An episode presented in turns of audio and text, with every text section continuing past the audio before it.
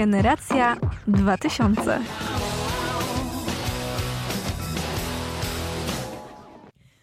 Cześć, na zegarach wybiła godzina 18, dokładnie 18.07. Mamy dwuminutowy poślizg. E, jest czwartek, wysłuchacie Radia Meteor, a to oznacza, że to jest Generacja 2000. E, dzisiaj na, re, na realizacji Kuba Ługiewicz. Ja nazywam się Olga Szygenda i witam was serdecznie. No i teraz tak, jeżeli kiedyś zastanawialiście się, co e, wasi starzy myślą o Generacji 2000, to dzisiaj się dowiemy, dlatego, że mam w studiu fantastycznych gości. A mianowicie jest to Kuba Ferlin i Kacper Pelo, czyli głosy które pewnie znacie z swoich radioodbiorników, e, ponieważ e, to są e, chłopcy, którzy prowadzą w środę audycję Czego słuchali twoi starzy. Cześć. Cześć. Cześć, bardzo mi miło. Bardzo długo czekaliśmy na zaproszenie od ciebie. E, przepraszam, że tak długo niedopatrzenie, po prostu my się bardzo rzadko widujemy w tym newsroomie. E, sorry, Kuba, nie, myślę, że e, my się widzimy co tydzień, przepraszam. E, dobra, w każdym razie ja się bardzo cieszę, że jesteście i trochę się nie mogę doczekać tej naszej wspólnej podróży mm, do początku lat 2000. E, dzisiaj będzie trochę bardziej alternatywnie i z tego powodu też się bardzo cieszę, bo, bo to są takie rejony, które w generacji mimo wszystko rzadko się pojawiają, Także, no właśnie, zrobiliśmy playlistę, playlistę łączoną. Usłyszycie propozycje mm, Kuby, usłyszycie propozycje Kacpra, usłyszycie propozycje moje. Mam nadzieję, że będziecie się równie dobrze bawić jak my.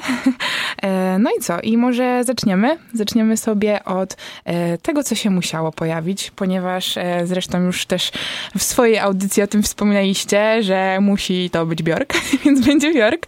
E, także posłuchajmy i wracamy do was za moment. Jak już powiedziałam przed przerwą, e, to była Bjork, czyli przedstawiłam artystkę, której właściwie chyba przedstawiać nie trzeba. E, no to ja mam pytanie, dlaczego Bjork znalazła się w dzisiejszym zestawieniu? Myślę, że to jest oczywiste dla naszych słuchaczy, bo praktycznie w każdym odcinku, czego słuchali twoi starzy, jest Bjork. Nie udało nam się jej dołożyć e, do chyba protest songów, bo nie wypowiadała się politycznie i do piosenek nieanglojęzycznych, bo w latach 90. nie śpiewała po islandzku. No tak, ale też staramy się jednak tą Bjork nie katować e, w każdej, e, przy każdej możliwej okazji.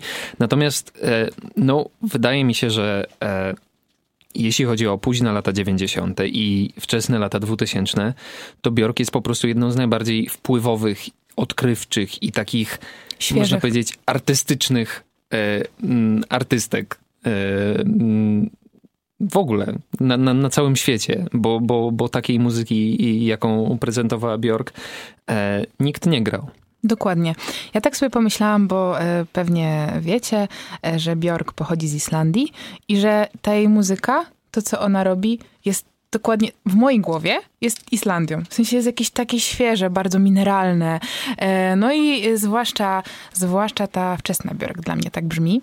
Mm, I ja się bardzo cieszę, że ona się dzisiaj tutaj pojawiła, bo właśnie już wam mówiłam, nasi słuchacze nie słyszeli, że, że moja miłość do Björk tak e, się pojawia i potem e, trochę znika, ale nie tak, że jej nie lubię, tylko po prostu się od siebie oddalamy, że tak powiem. No ale wraca, wraca jak bumerang, bo to jest coś, co jest z jednej strony dla mnie bardzo... Mm, to jest muzyka, przy której ja bardzo odpoczywam, a jednocześnie jest ciekawa. Jest po prostu ciekawa. Jest super. Można się naprawdę bardzo w to wkręcić. E, no i sama Bjork jest bardzo ciekawą postacią też, bo to tym chyba warto wspomnieć. Tak? tak, moja ulubiona e, scena z życia Björk to to, jak zaatakowała dziennikarkę w Bangkoku, tylko dlatego, że na lotnisku powiedziała jej welcome to Bangkok i zniszczyła jej kamerę i ją pobiła. O Boże. Tak. O Jezu, dobra, to tego nie znałam. Ja słyszałam... Ja też tego nie znałem. Nie? A o czym myślałeś?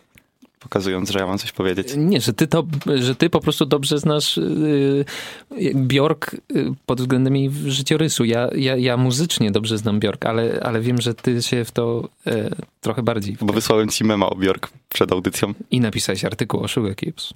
Tak. Ja słyszałam jeszcze a propos Bjorki i życia prywatnego taką historię, że miała e, psychofana e, psychofana, stalkera, który kiedyś wysłał jej prezent i w tym prezencie była bomba No i mogło się skończyć tragedią, ale policja na szczęście wcześniej e, przejęła tę paczkę. A historia była taka, że to chyba wyszło na jaw, dlatego że on nagrał filmik, nagrał siebie, jak pakował to wszystko. On gdzieś to udostępnił i popełnił samobójstwo. I się zrobiła afera dosłownie chwilę przed tym, zanim ta paczka do niej dotarła. No i dzięki temu Bjork żyje i miejmy nadzieję, ma się dobrze.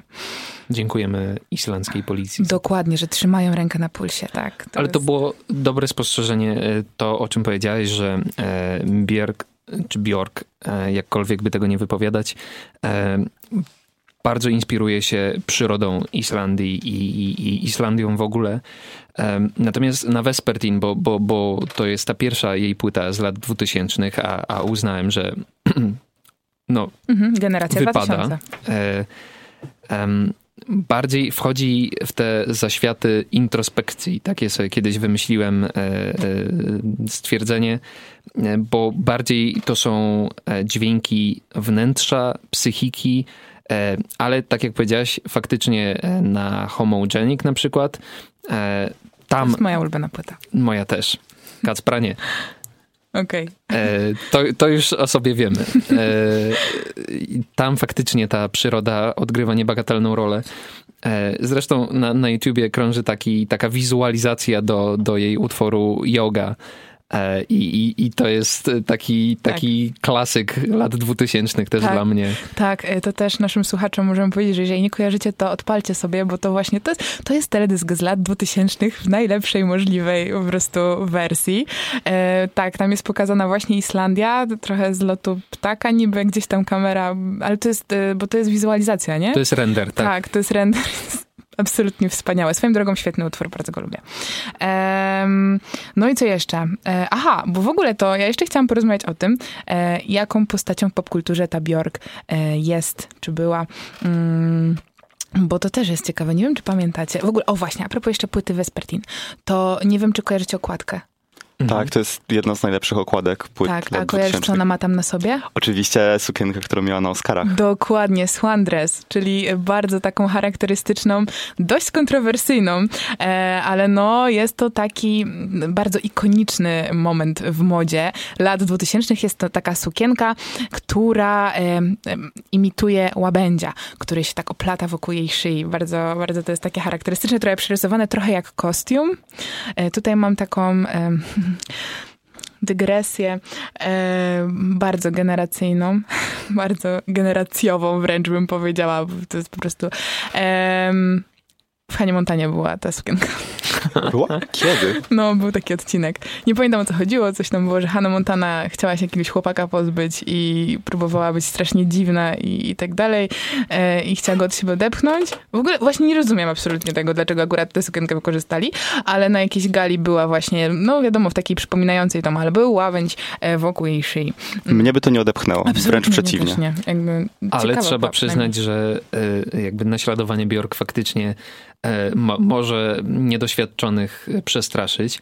E, Ale zaczęłaś pytać o e, pozycję Bjork w ogóle w popkulturze i dlaczego ona dla mnie na przykład jest taką instytucją, bo to jest artystka, która em, no nawet nawiązując do tej, do tej okładki, to nie jest tylko wokalistka, albo to nie jest tylko autorka tekstów. E, To jest, to jest muzyka, to są teksty, e, to są często też e, prace graficzne. Ja Pra... myślę, że można powiedzieć, że to jest artystka kompletna. Tak, To tak jest, do tego e, dążyłem. Przez, tak, dokładnie, przez duże A. E, Ja też widziałam, że e, Bjork, nie wiedziałam o tym, czytałam o tym dzisiaj przed audycją, że wydała tomik wierszy z własnymi ilustracjami. Nie widziałam go, bardzo jestem ciekawa, jak to wygląda. No i jeszcze film, Tańcząc w ciemnościach. Tak, e, tam też robiła soundtrack, prawda? Tak, to się nazywa chyba Selma's Song na Spotify. Tam jest parę piosenek, głównie są to instrumentale, kilka jest y, z wokalem, ale to są te piosenki z filmu, bo to jest w sumie musical. Bardzo smutny swoją drogą o e, kobiecie, która pochodzi z byłej Czechosłowacji, która powoli zaczyna tracić swój wzrok, a ma do utrzymania córkę i no nie zarabia za dużo, a jest zmuszona pracować w fabryce i to jest o jej, o jej życiu i to jak choroba niszczy ją powoli. No, bardzo, bardzo smutne. No ale ja nie widziałam tego filmu, ale jeżeli jest tam Bjork, jest jej muzyka, to y, myślę, że to trzeba nadgonić, bo jestem bardzo ciekawa tego obrazu.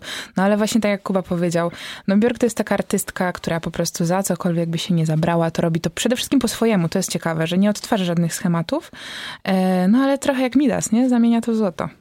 Dokładnie. I ten nawet po, po tych e, już w zasadzie można powiedzieć kilkudziesięciu latach twórczości, e, te ostatnie albumy Björk najbardziej mi i, i nie ten zeszłoroczny, tylko ten poprzedni, który nazywał się Utopia. Utopia, dokładnie to też było zupełnie coś nowego.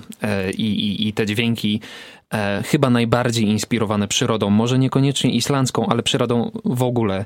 E, to też mnie zaskoczyło i, i to pokazało, że po tylu latach i po tylu już stworzonych dziełach Björk potrafi jeszcze być innowacyjna i jeszcze być oryginalna. Ważne jest to, że też lubi współpracować z młodymi artystami, młodymi producentami, więc nie zamyka się muzycznie, a cały czas się otwiera. Mm, próbuje różnych gatunków, na przykład na tej najnowszej płycie mm, są tam inspiracje muzyką techno i jest to naprawdę bardzo ciekawe. No właśnie, a, a na Utopii chyba pojawia się Arka, ta artystka. Tak, tak. No właśnie, no i, i, i to też... E, to pokazuje po prostu wielkość te, jej no, nie da się tego inaczej określić. Nie wiem, czy wiedzieliście, ale te lata 2000 były szczególnie ważne dla polskich fanów Björk, bo w 2008 roku była headlinerką Openera.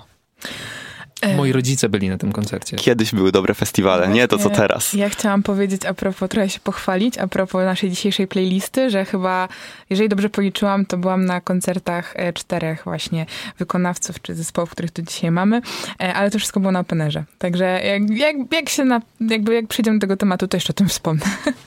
ale kurczę, Bjork, to byłoby coś. No dobrze, to przejdziemy dalej. E, kolejna na mm, liście, którą sobie tutaj e, stworzyłam, jest Florence e, z Florence and the Machine i właśnie to też jest koncert, na którym byłam na Penerze. Ale to potem wam opowiem. To była Florence Welch z Florence and the Machine, e, czyli zespołu, o którym teraz sobie trochę porozmawiamy. To była, teraz już dobrze strzelę, to była propozycja Kacpra, prawda? Dokładnie tak. Dobrze, dzięki. E, no właśnie, e, Florence and the Machine, też taki zespół, który chyba mm, lata swojej świetło, świetności mniej więcej datuje, myślę, że tak na po 2000, nie wiem, jakieś 6 15? Coś długo, bo generalnie oni bardzo długo robili fajne rzeczy i byli na fali. W ogóle, tu mam taką małą dygresję. E, tak wam rzucam temat, może, może mi jakoś to rozjaśnicie. Ja się tak zastanawiałam nad paradoksem mm, muzyki alternatywnej, e, bo tak się zastanawiałam... E, kogo zaliczyć do muzyki alternatywnej w latach 2000 i tak sobie przeszłam taki, przy, przy, jakby Opowiem wam mój proces myślowy. to wyglądało tak, że na początku sobie myślałam, że kiedy ta muzyka alternatywna e, w tej postaci, którą my ją znamy teraz, w której my ją znamy teraz, kiedy ona powstała i wydaje mi się, że chyba tak lata 90., ale jakby nie sprawdzałam tego. To jest mój strzał, no nie? Um, a potem przyszły lata 2000 i ta muzyka alternatywna, chciałam powiedzieć, że zeszła trochę na drugi plan, ale potem sobie pomyślałam, że to jest alternatywa, ona nie może być na pierwszym planie, bo będzie mainstream, jakby kompletnie bez sensu. Więc jakby dla alternatywy to jakby im gorzej, im jest mniej popularna, tym w zasadzie lepiej, bo jest, no można powiedzieć, prawdziwsza. E, I tak mi się właśnie wydaje. Nie wiem, czy to jest dobry tok rozumowania. W ogóle pojęcie muzyki alternatywnej e, w latach 2000 szczególnie to jest bardzo ciężkie pojęcie i, i nawet w naszej redakcji są osoby, które nie uznają e, czegoś takiego jak muzyka alternatywna. E, natomiast wydaje mi się, że tak najbardziej, w sposób najbardziej ogólny muzykę alternatywną w latach dwutysięcznych można by określić jako muzykę, która nie wpisuje się w ramy jednego gatunku, która w jakiś sposób łączy elementy kilku i nie można jej tak łatwo sklasyfikować jako na przykład rock mhm. albo metal.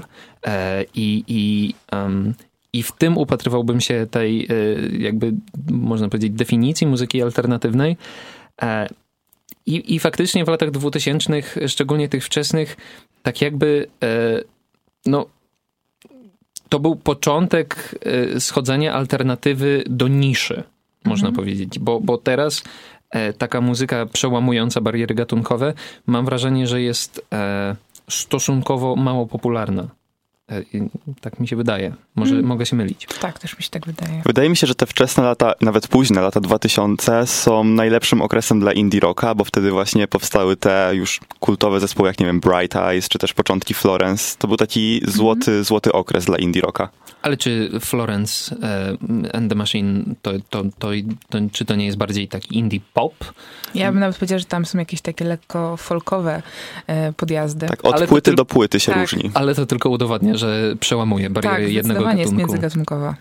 E, Ja z Florence na przykład nie mam wielkiego doświadczenia, natomiast pamiętam, że mm, bardzo lubiłem płytę Ceremonials, chyba z, dwu, z 2011 roku E, i, i pamiętam, że, że, że, że generalnie to nie jest dla mnie jakiś bardzo, bardzo ważny zespół, natomiast ta płyta była fantastyczna i, i takie utwory nawet tak tutaj sobie jeszcze e, włączyłem, jak No Light, No Light. E, to, to jest wspomnienie tych, e, tych czasów i ważna płyta. Ja chyba mimo wszystko najbardziej lubię pierwszą, czyli właśnie Langs, z której e, utwór How przed chwilą słyszeliśmy. Em, jeszcze lubię How Big, How Blue, How Beautiful, ale lubię też ten utwór i ma śliczną nazwę. Jest taki, a, taki, taki Florence. Mój faworyt to jest zdecydowanie Highest Hope z 2018 roku, ale Świeża sprawa. tak, ale no Dance Fever jeszcze też jest dobry. Jednak no właśnie to Highest Hope to był taki moment przełomowy, bo moja relacja z Florence and the Machine jest taka od nienawiści do miłości, bo na początku mm, strasznie nie lubiłem Florence, ale na początku, czyli jak miałem, nie wiem, 10, 11 lat i byłem ogromnym fanem SKTV i tam e, emitowano jej teledyski. Pamiętam... Mm, słucham? Pitbull? Tam był, była taka piosenka Spectrum, tak, z płyty Tak, Ceremonials. tak. I ja nie znosiłem ani teledysku, ani tego utworu i strasznie się wtedy zraziłem. Nawet, nie wiem, nie odkrywałem żadnych innych piosenek, tylko stwierdziłem, że nie znoszę Florence and the Machine. I tak żyłem przez kilka lat. E, nawet kiedy wyczekiwałem albumu Lady Gaga Joanne w 2016 roku, to mm, była tam współpraca z Florence Hey Girl i też tego nienawidziłem. I wtedy posłuchałem przypadkowo Highest Hope i zupełnie przepadłem w tym świecie Florence i dziś mogę powiedzieć, że to jest jeden z najważniejszych zespołów dla mnie i marzę o tym, żeby zobaczyć ich wreszcie na żywo, bo jeszcze tego e, nie zrobiłem, ale wiem, Olga, że ty ich widziałaś. Tak, to prawda. Jak już mówiłam na Openerze, e, co ma swoje plusy i minusy. Ja uważam, że e, w ogóle festiwale są fantastycznym, mm, fantastycznym pretekstem, czy też może umożliwiają po prostu zobaczenie wiele różnych e, zespołów, wielu też artystów, których mm, po pierwsze chcielibyśmy zobaczyć po prostu trudno byłoby w innych okolicznościach, ale też takich, których nie znaliśmy, których dopiero poznajemy. E, I ja mogę tutaj się pochwalić, że jakby, jeżeli chodzi o dzisiejszą playlistę, mam nadzieję, że ze wszystkim zdążymy swoją drogą. Musimy przejść dalej, bo jeszcze trochę tego mamy. No właśnie, to byłam na koncercie Florence and the Machine, słyszałam PJ Harvey na żywo i e, tak, e, no właśnie LJ i jeszcze parę, paru innych i po prostu to było fantastyczne. Ja się bardzo cieszę, że mogłam to zobaczyć na przykład Florence. Na żywo była absolutnie wspaniała. E, jeżeli chodzi o Jeżeli chodzi o co? Aha, o całą mm, oprawę, to już mówiłam wam na, w przerwie, że tak średnio, nie? Bo było jasno i było dużo e, dziewczynek z kwiatkami we włosach, w sensie z wiankami, bo to była ta taka jeszcze era mm, takiego boho. Tak, to też. No i boho takie, bo, bo Florence chyba też trochę ewoluowała, nie? Z tego boho w taki klimat vintage bardziej. Też jej cała, mm, jej cała, co takiego? Mm, no, jak to się Aparycja? mówi? Aparycja, dziękuję.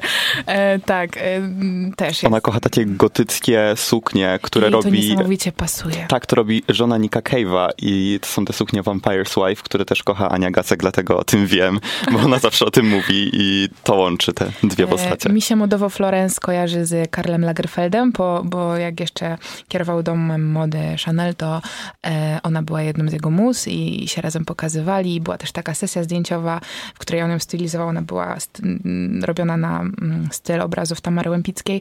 No, Florence absolutnie przepiękna, nie do pomylenia i wiecie, rude włosy, burza. E, no, świetna postać, podobno też bardzo przyjemna taka w byciu. E, no dobra, to idźmy dalej, bo mam jeszcze trochę tego. Teraz moja propozycja. E, jeden z tych bardziej niszowych zespołów z dzisiejszej mm, playlisty. Zespół nazywa się Beirut y, i utwór pod tytułem Elephant Gun. To był Bejrut i o tym już krótko, bo już przed chwilą ustaliliśmy, że mamy bardzo mało czasu i bardzo dużo tematów. E, tak, to jest jeden z takich zespołów, które e, właśnie mi się kojarzą bardzo z moim okresem liceum, a tworzyli przede wszystkim wcześniej. E, I taka ciekawostka jest to amerykański zespół, e, w którym e, jest sześciu członków i grają absolutnie na wszystkim, na czym się da. Tam jest puzon, ukulele, perkusja, trąbka, tamburyn, akordeon, absolutnie wszystkie możliwe instrumenty. I mm, frontman bardzo mówi, że się inspiruje na przykład Goranem Bregowiczem, orkiestrą Gorana Bregowicza, co jest ciekawe, bo jednak jest Amerykaninem, ale rzucił szkołę w 2016 roku, żeby pojeździć po Europie i odkrywał i właśnie jego twórczość jest mocno to oparta. Jest dużo piosenek, które się nazywają właśnie tak jak miasta. Jest Pompeii, jest, e, co tam jest, nie wiem, Postcards from Italy. E, Gallipoli. E, tak, Santa Fe. Także fajna, ja bardzo lubię tę muzykę. Dobra, ale nie mamy już na to czasu, dlatego lecimy dalej i też bardzo ciekawy temat, na który bardzo czekam, czyli PJ Harvey. PJ Harvey w latach 90. była taka bardzo rockowa, to była mocniejsza muzyka, ale no wiadomo, ja lubię taką stonowaną, spokojną, no i ta zmiana przyszła na początku lat 2000. Dokładnie to jest rok 2000, jej płyta Stories from the City, Stories from the Sea, która jest zupełnie inna od jej stylu. Jakby jest tam ta część PJ Harvey, jednak jest to taka płyta spokojna, stonowana, wyważona. Dokładnie taka jak okładka. To jest bardzo piękna okładka. Nie wiem, czy kojarzycie tak od razu tak e, PJ na ulicy Nowego Jorku. Tam są takie światła, dużo się dzieje, bo to jest taki hołd e, wobec tego miasta. Bo PJ Harvey spędziła w Nowym Jorku parę miesięcy nagrywając film, a eksplorowała, szukała różnych e, ciekawych miejsc, chodziła po nowojorskich ulicach i ostatecznie nagrała płytę, ale nie jest ona tylko o Nowym Jorku, ale też o jej rodzinnej Anglii. I są tam naprawdę wspaniałe, wspaniałe piosenki z tego miasta. E, ja a propos PJ Harvey mam taką anegdotkę, ale to o tej e, PJ Harvey w latach 90., że ona e, w połowie lat 90. była w związku z Nickiem Cave'em. I to też był taki dość burzliwy romans, po którym każdy z nich wydało płytę i tak trochę się leczyli z tej swojej miłości na płycie. A zanim się rozstali, to chyba to był 96 rok, jeżeli się nie mylę, Nick Cave razem z PJ Harvey nagrali piosenkę, która nazywa się Henry Lee i jest w ogóle, bardzo ją lubię. Nawet ją dzisiaj udostępniłam u siebie na e, story. E, tam jest taki super teledysk. To jest, to jest w ogóle przerobiona e, piosenka folkowa, ballada z płyty Nika Cave'a Murder Ballads. Najlepszej płyty Nika tak, Cave'a. Tak, też tak uważam. I, I co? Aha, no i wiadomo, jak we wszystkich piosenkach na tej płycie, tam też jest historia, która kończy się tragicznie, ktoś ginie, więc jest generalnie ciężkawa, no nie? A w tym teledysku oni są tacy w sobie zakochani, tam się nie dzieje nic, to jest taki walczyk, oni sobie śpiewają, patrzą sobie w oczy, e, tak się trochę ze sobą kołyszą, ale są tak cudowni, czuć taką, czuć naprawdę chemię. To, to nie jest do zagrania, nie? To, to jest coś, co niektórzy po prostu między sobą mają, a inni nie. E, no i tacy oni byli w tych latach 90. i to jest super. No a potem się rozstali i e, PJ trochę też zmieniła charakter swojej twórczości. To właśnie dzięki tej piosence zainteresowałem się jej solową karierą, bo ja uwielbiam tą płytę Nika Cave'a i no. też duet z Kylie Minogue, Jezu, który też jest piękny. Cudowny, tak, i wtedy stwierdziłem... Swoją drogą z Kylie Minogue też był. Tak? Ona chyba była jego żoną nawet. Tam, tam była jakaś akcja, no. no. Z kim nie był, no. nie wiem, jest brzydki, ale jest, y, widocznie charakter się liczy i, i, i to, że jest naprawdę świetnym artystą i w ogóle przyciągał je jak magnes. Mm. Ja nigdy nie przeżyję tego, że nie byłem na jego koncercie, który grał rok temu w Polsce, nawet grał dwa koncerty i niestety nie udało mi się być, a to jest też wspaniałe, wspaniałe przeżycie. Mm, tak, też chciałam usłyszeć Nika Cave'a na żywo. Jeśli chodzi o Nika Cave'a, to e, dziwnie wymawiacie Push the Sky Away, bo to jest oczywiście jego najlepsza płyta. E... Tak mówi Ania Gacek. Tak? O, no to kurczę, czyli nie jestem sam.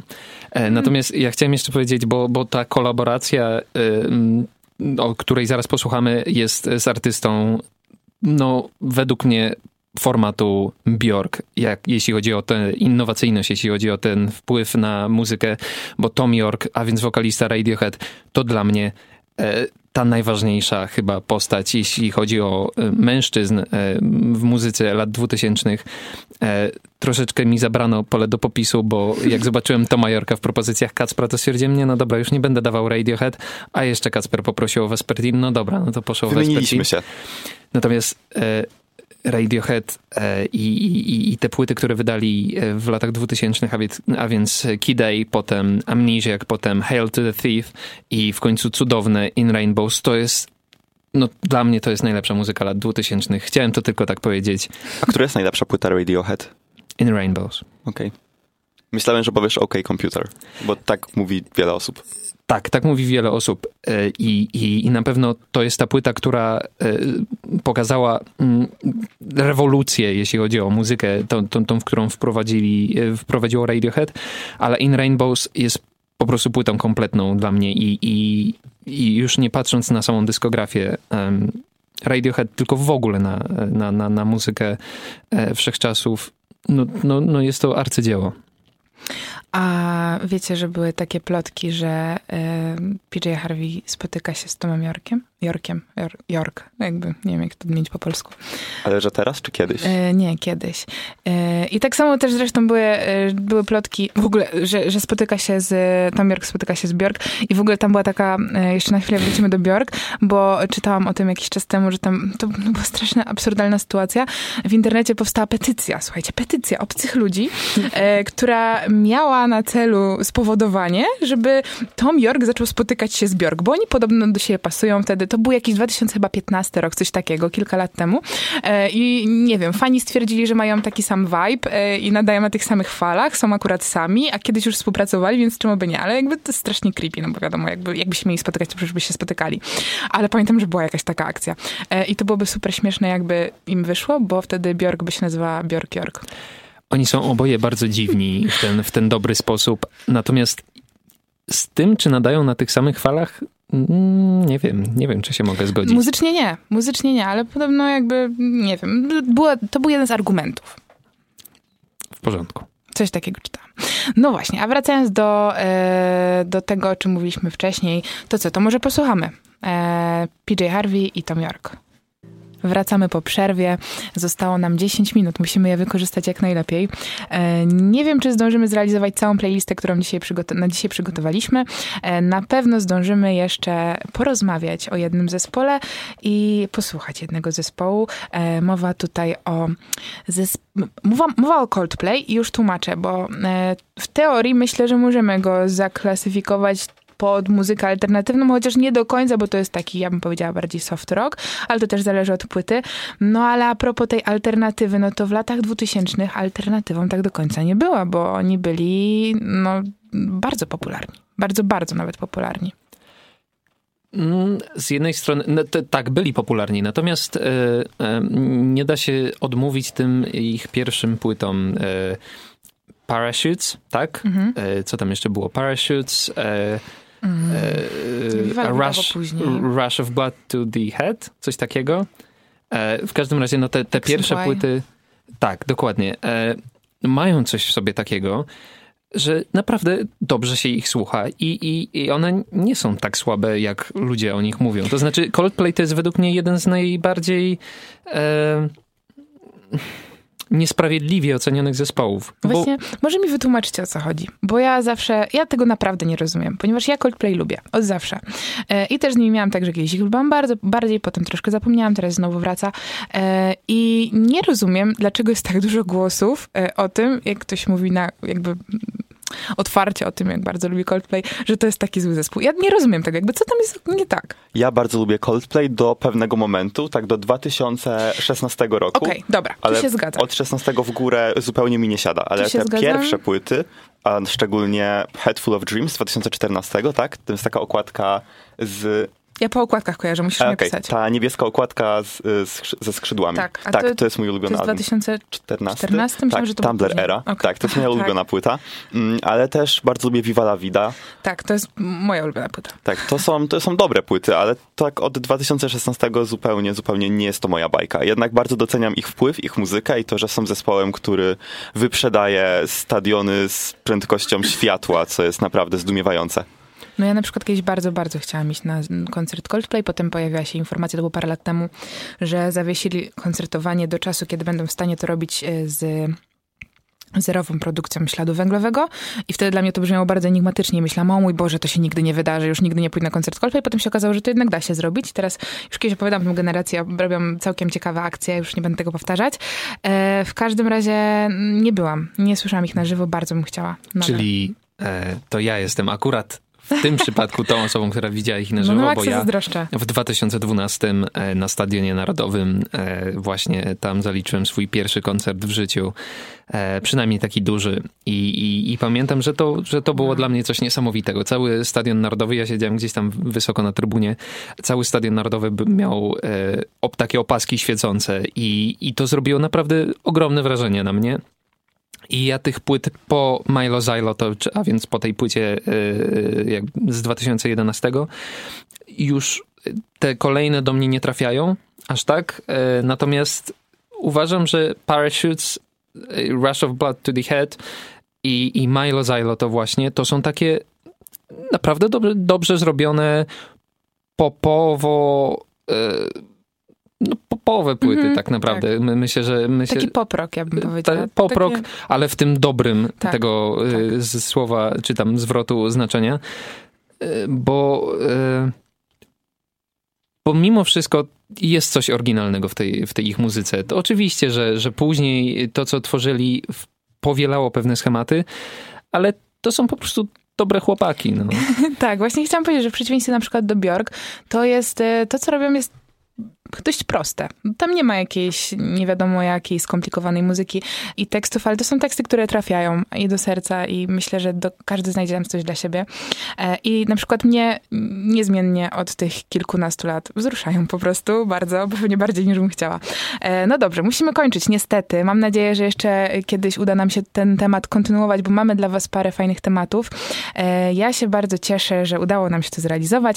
To była Generacja 2000. Dzisiaj moimi gośćmi byli starzy, czyli Kacper Pelo i Kuba Ferlin. Bardzo dziękujemy i zapraszamy. Tak jest. Na nasze. Jeszcze, tr- a tak, zapraszamy na Czego Słuchali Twoi Starzy, środa 21. Tak, ale my zapraszamy ciebie do kolaboracji z nami. I... Dziękuję, bardzo chętnie przyjdę. Okej. Tak, e, to jeszcze nas usłyszycie. W tym składzie realizował nas dzisiaj Kuba Ługiewicz, a teraz e, Coldplay i pierwsza płyta utwór Sparks.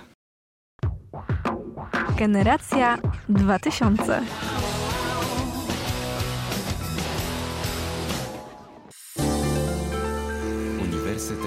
Adama Mickiewicza.